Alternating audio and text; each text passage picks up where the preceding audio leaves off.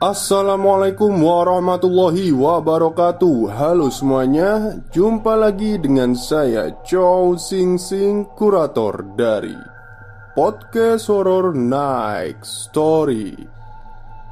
Halo apa kabar semuanya? Semoga kalian pada sehat semua ya.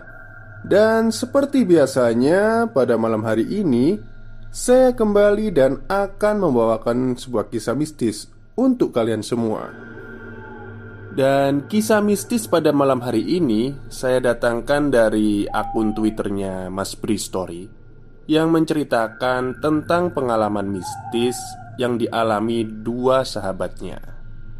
Seperti apa kisahnya? Mari kita simak. Kampung halaman merupakan tempat yang sangat nyaman. Apa pun keadaannya, sesekali kita harus pulang apalagi menjelang hari raya. Malam ini akan ada cerita dari dua teman saya, Yuda dan Hudar, tentang pengalamannya ketika mudik Lebaran. Beberapa hari sebelum Lebaran tahun 2018, hampir tengah malam, Yuda sedang dalam perjalanan pulang menuju Semarang menggunakan bis hanya tinggal beberapa jam saja sampai tujuan. Seluruh lampu dalam bis dalam keadaan mati. Gelap jadinya. Namun, sesekali sekelebat cahaya dari luar memberi sedikit penerangan di dalam bis. Garis remang berbagai warna menggurat setiap objek yang dilalui, walaupun gak terlalu jelas. Tapi Tampakan tiap penumpang masih bisa terlihat sesekali. Sepi mendominasi. Walau sesekali suara mesin kendaraan lain di luar terdengar samar. Entah itu mereka yang sedang mendahului ataupun didahului. Jalur panjang tol Cipali menghantarkan ribuan kendaraan berisi berbagai insan yang sedang terbekap rindu akan pulang kampung halaman. Begitu pula dengan Yuda. Saat-saat seperti ini adalah saat yang dia tunggu setiap tahunnya. Waktu di mana bisa pulang ke rumah, bertemu orang tua dan anggota keluarga lainnya, menumpahkan rindu melepas penat. Sudah hampir tujuh tahun lamanya, Yuda bekerja di Jakarta. Selepas kuliah, dia langsung merantau ke ibu kota, mencari nafkah coba berdiri di atas kaki sendiri. Sesak dan pengap metropolitan jadi makanannya sehari-hari. Ingin sekali sebenarnya dia pulang ke Semarang, tapi waktu nggak memungkinkan. Hanya pada saat libur Lebaran seperti ini, dia bisa pulang mudik. Rumah tempat tinggal yang terletak jauh dari pusat kota menjadikan suasananya masih berbau pedesaan Udaranya segar dan bersih. Di banyak bagian masih terbentang persawahan. Sejak lahir, Yuda sudah hidup dengan lingkungan seperti ini. Masa kecil hingga remaja dihabiskan dengan menikmati suasana menyenangkan. Makanya, dia selalu ingin pulang dan harus pulang, apalagi menjelang hari raya Idul Fitri. Yuda duduk sendiri di kursi tengah sebelah kanan, lebih dekat ke belakang. Tas punggung lusuh dia letakkan di kursi kosong sebelahnya. Entah kenapa menjelang Idul Fitri kali ini Bis yang Yuda tumpangi nggak penuh penumpang Cenderung kosong malahan Gak sampai setengah dari kapasitas maksimum Yang pasti Yuda sangat menikmati perjalanan setiap detiknya menyenangkan Setiap jengkalnya membangkitkan senyuman Membuatnya nggak sabar Untuk segera sampai. Sementara bis terus melaju dengan kecepatan sedang Menembus gelapnya malam. Mungkin karena sudah tengah malam Ditambah jumlah penumpang yang nggak penuh Suasana di dalam jadi sangat sepi seperti nggak ada kehidupan Gak ada suara sama sekali Dalam hening, Yuda memperhatikan penumpang lainnya satu persatu. Ada yang tertidur pulas, dan ada juga yang masih terjaga. Ada yang sedang melamun menatap luar jendela, dan ada yang terus-terusan memainkan ponselnya, dan lain sebagainya. Semua orang tampak nggak mempedulikan sekitar, asik dengan aktivitasnya masing-masing. Semua orang tampak tidak mempedulikan sekitar, asyik dengan aktivitasnya masing-masing, termasuk juga dengan tidak mempedulikan Yuda yang menatap mereka satu persatu. Eh, sebentar. Ternyata gak semua asyik sendiri dalam gelap. Yuda melihat ada anak perempuan berumur sekitar empat tahun. Kepalanya menyembul dari sandaran kursi yang letaknya di depan sebelah kiri. Hanya sebatas hidung ke atas yang terlihat oleh Yuda. Rambutnya dikepang dua lucu sekali.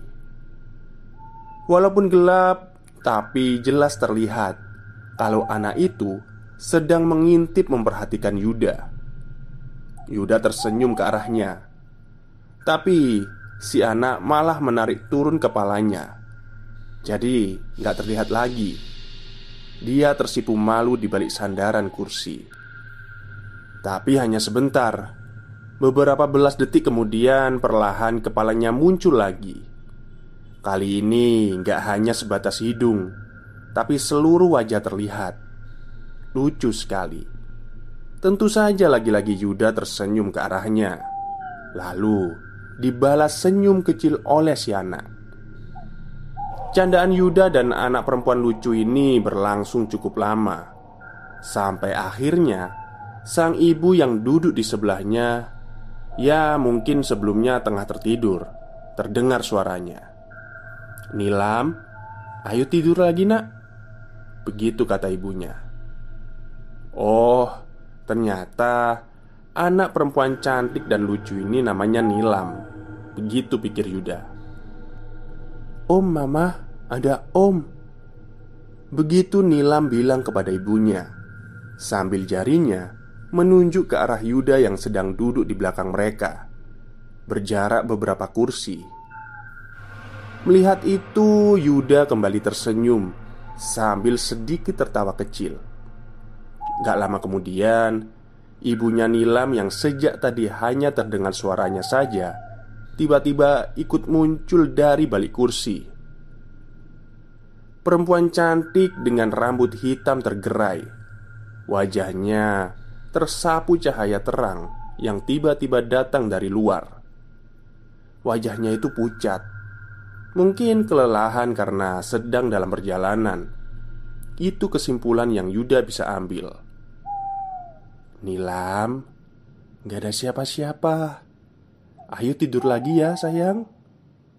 Begitu ibunya Nilam bilang, sambil wajah mengarah ke Yuda. Tapi yang aneh, Matanya malah menatap ke arah lain Cenderung menunduk Om mama, ada om Sekali lagi Nilam bilang begitu Sudah nak Sini duduk yang benar. Begitu sang ibu bilang. Kali ini Dengan nada agak tinggi Nila menuruti perintah Lalu duduk di kursinya. Kemudian gak kelihatan lagi. Setelahnya Yuda hanya mendengar samar obrolan pelan mereka. Nyaris berbisik. Ya sudah Kembali seperti semula Yuda tenggelam lagi dalam lamunan Menikmati perjalanan. Tapi menyenangkan Yuda menikmati bercanda dengan Nilam walau sebentar. Tepat tengah malam Tiba-tiba bis berbelok masuk ke salah satu tempat peristirahatan. Mungkin karena memang sudah waktunya untuk istirahat. Yuda nggak tahu pasti. Dan benar Bis masuk ke satu tempat luas yang di dalamnya banyak kendaraan terparkir Suasananya ramai walau nggak terlalu banyak penerangan Kemudian bis berhenti tepat di depan salah satu rumah makan. Setelah benar-benar berhenti, supir dan kondektur mempersilahkan penumpang untuk turun dan beristirahat sejenak. Yuda juga memutuskan untuk turun sebentar. Tapi sebelum itu, dia melihat Nilam dan ibunya juga sedang berjalan menuju pintu keluar. Sekali dua kali Nilam menoleh ke belakang mencari keberadaan Yuda. Dan akhirnya Nilam bisa tersenyum setelah sudah bisa melihat Yuda yang sedang berjalan di belakangnya. Yuda membalas senyum. Yang aneh, Nilam seperti tersenyum dalam kebingungan. Wajahnya datar, tanpa ekspresi. Kemudian, setelah sudah di luar bis, Yuda nggak bisa lagi melihat keberadaan Nilam dan ibunya. Mereka menghilang, entah ke mana. Berjalan sedikit menjauh, kemudian Yuda mencari tempat duduk untuk menghabiskan waktu. Tapi nggak lama, hanya beberapa menit, dan kemudian dia menemukan satu warung makan yang letaknya di sudut agak sepi. Yuda memilih untuk duduk di situ. Entah sudah berapa kali Hudar menguap. Kantuk sudah mulai menyerang sejak menjelang jam 12 tadi. Berkendara sendirian, Hudar memutuskan untuk mudik hari itu juga. Sepulang kerja dia berangkat, tapi karena macetnya Jakarta, perjalanan jadi tersendat. Akibatnya, dia masih berada di tengah tol Cipali pada tengah malam. Seperti halnya Yuda, Hudar juga berstatus pekerja di Jakarta yang berkampung halaman di Semarang. Sama dengan kebanyakan orang Indonesia, Hudar juga mudik menjelang Lebaran. Wah, aku nggak kuat lagi, harus cari kopi. Ngantuk banget nih. Hudar bergumam sendiri ketika kantuknya semakin menjadi-jadi. Karenanya, dia berniat untuk mampir ke tempat peristirahatan untuk sejenak berhenti. Padahal hanya tinggal beberapa jam lagi sampai Semarang, tapi tetap saja Hudar harus beristirahat sampai akhirnya dari kejauhan, Hudar melihat ada tempat peristirahatan. Setelah sampai, dia langsung membelokkan kendaraan, masuk ke satu area luas dengan banyak kendaraan yang juga sedang beristirahat. Sebentar berputar-putar, dan akhirnya dia memilih untuk parkir di satu tempat kosong di sebelah bis besar. Aduh, akhirnya bisa istirahat sebentar. Begitu Hudar bilang dalam hati.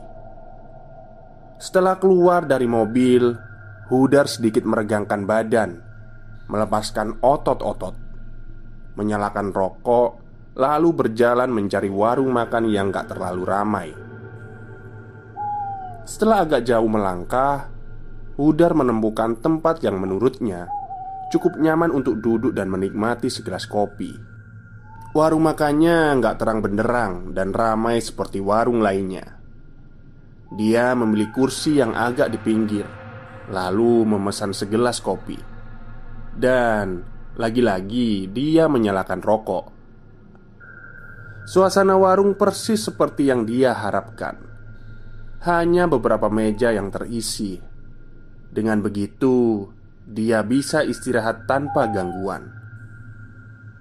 Gak makan waktu lama Segelas kopi hitam langsung tersaji Hudar meminumnya beberapa teguk Sambil melepas lelah Dia melihat layar ponsel Dan berselancar di lini masa media sosial Cukup lama asyik dengan ponselnya Sampai akhirnya Dia menyadari sesuatu Walau nggak melihat langsung tapi Hudar merasa seperti ada yang memperhatikannya. Ada seseorang di dalam warung pada sudut yang lain, yang sepertinya sedang terus memperhatikannya. Perlahan, Hudar menoleh ke orang itu. Penerangan seadanya membuat Hudar harus sedikit mengernyitkan dahi untuk memperjelas penglihatannya. Tapi ternyata dugaan Hudar benar. Memang ada orang yang sedang memperhatikan dia.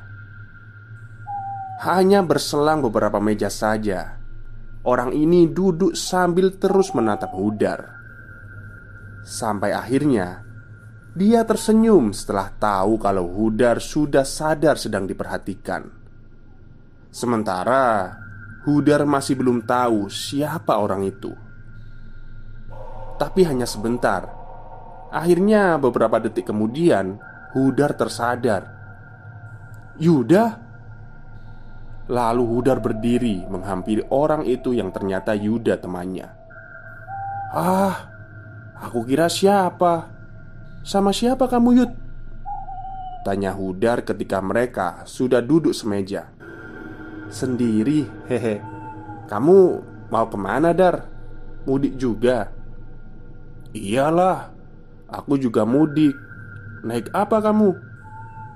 Itu aku naik bis yang itu Jawab Yuda sambil menuju bisnya dari kejauhan Ah kebetulan kalau gitu, kamu ikut aku aja. Toh tujuan kita sama. Rumahmu masih di Sambung Harjo kan? Iya, masih Har. Yuda menjawab sambil tersenyum. Ya sudah, kita bareng aja. Kita berangkat sekarang. Sudah jam setengah satu. Eh, uh, baiklah.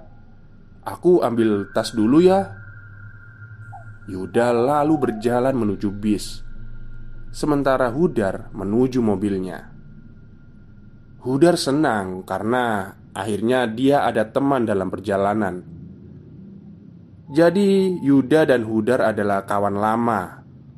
Mereka satu kelas pada waktu SMA Lalu terpisah setelah keduanya lulus Dan kemudian melanjutkan kuliah di tempat yang berbeda karena kesibukan, mereka mengetahui kabar masing-masing dari media sosial dan obrolan antara teman. Walau sesekali reuni dengan teman seangkatan lainnya. Dan akhirnya mereka dipertemukan lagi di satu tempat peristirahatan di Cipali. Selanjutnya, mereka berdua berkendara menuju Semarang, kampung halaman mereka. Di perjalanan dalam kendaraan, percakapan lebih banyak didominasi oleh Hudar. Yuda hanya membalas dan menjawab seperlunya saja. Tapi dalam hal ini, Hudar bisa mengerti karena dia tahu kalau Yuda itu memang pendiam dari dulu. Tapi ya, itu tadi. Akhirnya, selama perjalanan, mereka berdua lebih banyak diam. Oh iya, Beberapa bulan yang lalu aku dengar kamu sakit ya Yud? Hudar kembali bertanya membuka perbincangan. Iya tapi udah sembuh. Jawab Yuda singkat. Sakit apa Yud? Aku dengar cukup parah. Ya dirawat beberapa hari aja Dar. Lagi-lagi perbincangan berhenti Yuda yang memang sangat pendiam ditambah dengan sudah bertahun-tahun lamanya mereka nggak berjumpa. Jadi Hudar maklum kalau perbincangan ini hanya seadanya saja, lebih banyak diam. Tapi Hudar sudah cukup bersyukur dengan adanya Yuda. Jadi dia ini nggak merasa sendirian lagi. Seenggaknya sudah ada yang menemani. Sementara Yuda lebih banyak seperti sedang menikmati perjalanan. Lebih sering menatap keluar jendela. Memperhatikan pemandangan dalam diam. Oh, ada sedikit yang mengganggu Hudar waktu itu. Dia nggak tahan dengan wangi parfum yang Yuda pakai. Menurutnya wangi parfum yang Yuda pakai ini nggak lazim. Harumnya menyengat sekali Singkat cerita, akhirnya mereka memasuki wilayah Semarang. "Aku antar ke rumahmu ya, Yud." "Masih di tempat yang dulu kan?" tanya Hudar. "Iya, Dar, masih." "Ya sudah, kamu kasih tahu aja jalannya ya. Aku udah agak lupa." Hehe. "Iya," jawab Yuda pendek. Seingat Hudar, rumah Yuda ini nggak terlalu jauh dari rumahnya Jaraknya kira-kira hanya 15 menit. Rumah mereka sama-sama gak jauh dari pusat kota. Sudah hampir jam 2 Hudar terus ikuti petunjuk dari Yuda. Perjalanan yang sudah semakin dekat tujuan Tapi masih terbilang sepi tanpa percakapan. Beberapa saat kemudian mereka mulai masuk ke salah satu pemukiman di daerah Sambung Harjo. Pemukiman yang tergolong sepi, apalagi terhitung masih tengah malam seperti ini. Gak ada orang yang terlihat sama sekali. Setelah masuk ke pemukiman ini, Hudar mulai bisa meraba daerah yang sedang dimasuki. Kurang lebih dia masih hafal wilayah atau sudah bertahun-tahun gak datang berkunjung. Setelah sudah melewati beberapa belokan, akhirnya mereka sampai di satu jalan yang Hudar yakin kalau itu adalah jalan kecil tempat di mana rumah Yuda berada. Itu rumahku yang berpagar besi, Dar. Ucap Yuda kemudian Dan benar tebakan Hudar Kemudian Hudar langsung menuju rumah yang dimaksud Gak lama karena memang sudah dekat Mereka akhirnya sampai di depan rumah. Hudar parkir persis di depan pagar. Setelah mobil sudah berhenti Mereka lalu turun dari kendaraan. Mampir dulu Dar Tanya Yuda dengan senyuman. Ah Enggak lah Yud. Udah malam. Besok-besok aja aku main ke sini. Hehe. Udar bilang begitu. Ya sudah. Terima kasih banyak ya Dar. Aku masuk dulu. Kemudian Yuda masuk ke dalam rumahnya Melalui pintu samping. Padahal Hudar belum belanja pergi. Agak bingung sih. Sebelum pergi Hudar sejenak memperhatikan rumah Yuda rumah besar bertingkat dalam keadaan gelap. Hanya lampu teras saja yang menyala. Dia merasa ada yang aneh, tapi nggak tahu apa. Beberapa belas detik kemudian, Hudar memutuskan untuk pergi dari situ, lalu pulang ke rumahnya. Tapi ketika baru beberapa langkah menuju mobil, tiba-tiba Hudar melihat kalau lampu ruang tamu Yuda menyala terang. Lalu ada orang yang mengintip dari balik tirai. Melihat itu, Hudar tersenyum ke arah orang itu. Setelahnya, ada yang membuka pintu depan. Seorang bapak muncul dari dalam rumah. "Cari siapa ya, Mas?" tanya bapak itu. "Oh, maaf, saya Hudar, Pak, teman SMA-nya Yuda." Jawab Udar sambil tersenyum. Oh gitu. Ada perlu apa ya malam-malam? Tanya bapak itu heran. Uh, Saya baru saja mengantar Yuda pak. Baru saja dia masuk ke dalam rumah Jawab Hudar. Oh begitu. Uh, Kalau gitu Ayo masuk dulu. Saya bapaknya Yuda Ternyata beliau adalah bapaknya Yuda. Sambil tersenyum, beliau membuka gembok pagar rumahnya. Setelah pagar terbuka, Hudar masih agak kebingungan karena dipersilahkan masuk. Di ruang tamu sudah ada yang menunggu. Seorang perempuan parubaya menyambut dengan ramahnya. Perempuan itu adalah ibunya Yuda. Mungkin bapak sama ibu sudah lupa. Saya Hudar temannya Yuda SMA dulu. Waktu SMA dulu saya beberapa kali main ke rumah ini. Hehe. Jawab Yuda membuka percakapan. Oh Tentu saja nak. Kami masih ingat kok. Jawab ibunya Yuda Sambil tersenyum lama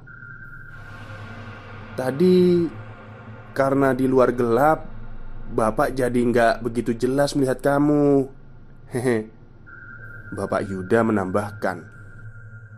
Jadi Nak Hudar ini dari mana? Tanya mereka nyaris berbarengan. Saya dari Jakarta bu, pak. Mau pulang mudik. Kebetulan tadi dalam perjalanan saya ketemu dengan Yuda Ya udah Saya ajak sekalian untuk pulang bareng Dengan lancar dan tanpa beban Hudar menceritakan semuanya ketika dia bersama Yuda pulang ke Semarang. Sementara kedua orang tua Yuda mendengarkan dengan seksama. Yang aneh sejak Hudar masuk, dia sama sekali nggak melihat Yuda lagi. Hanya kedua orang tuanya saja. Ah, jadi begini nak Hudar. Mohon maaf sebelumnya kalau saya akan menceritakan sesuatu yang akan membuat Nak Udar kaget. Bapak akhirnya mulai menjelaskan.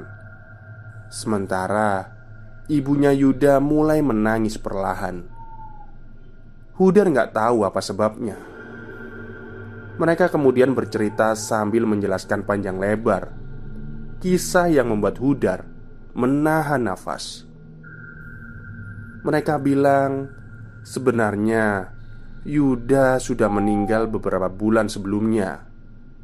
Almarhum sakit keras ketika sedang tinggal dan kerja di Jakarta. Hudar terperanjat kaget mendengarnya. Padahal baru saja dia mengantarkan Yuda pulang ke rumahnya. Cukup sekian cerita malam hari ini. Semoga ada hikmah yang bisa ditarik. Tahun ini keadaannya berbeda. Kita sama-sama nggak bisa mudik. Nikmati saja, semua ada masanya. Terima kasih yang sudah mendengarkan dan membaca. Tetap sehat supaya bisa terus merinding bareng. Oke, terima kasih Mas Bri Story atas pengalaman mistisnya Atau lebih tepatnya pengalaman temannya ya Tapi memang saya sudah menduga dari awal Waktu si Yuda itu ada di dalam bis Dan dia tersenyum pada seorang anak kecil Dan waktu itu memang saya pikirannya ada dua Antara Yuda ini hantunya atau yang sudah meninggal atau si ibu dan si anak ini yang sudah meninggal. Dan ternyata plot twistnya Yuda yang sudah meninggal. Ya, terima kasih banyak ya sekali lagi untuk Mas Bri atas ceritanya. Dan untuk para subscriber podcast Horror Next Story Terima kasih sudah mendengarkan Semoga kalian gak bosan sama suara saya Mungkin itu saja yang bisa saya sampaikan pada malam hari ini. Selamat malam dan selamat beristirahat.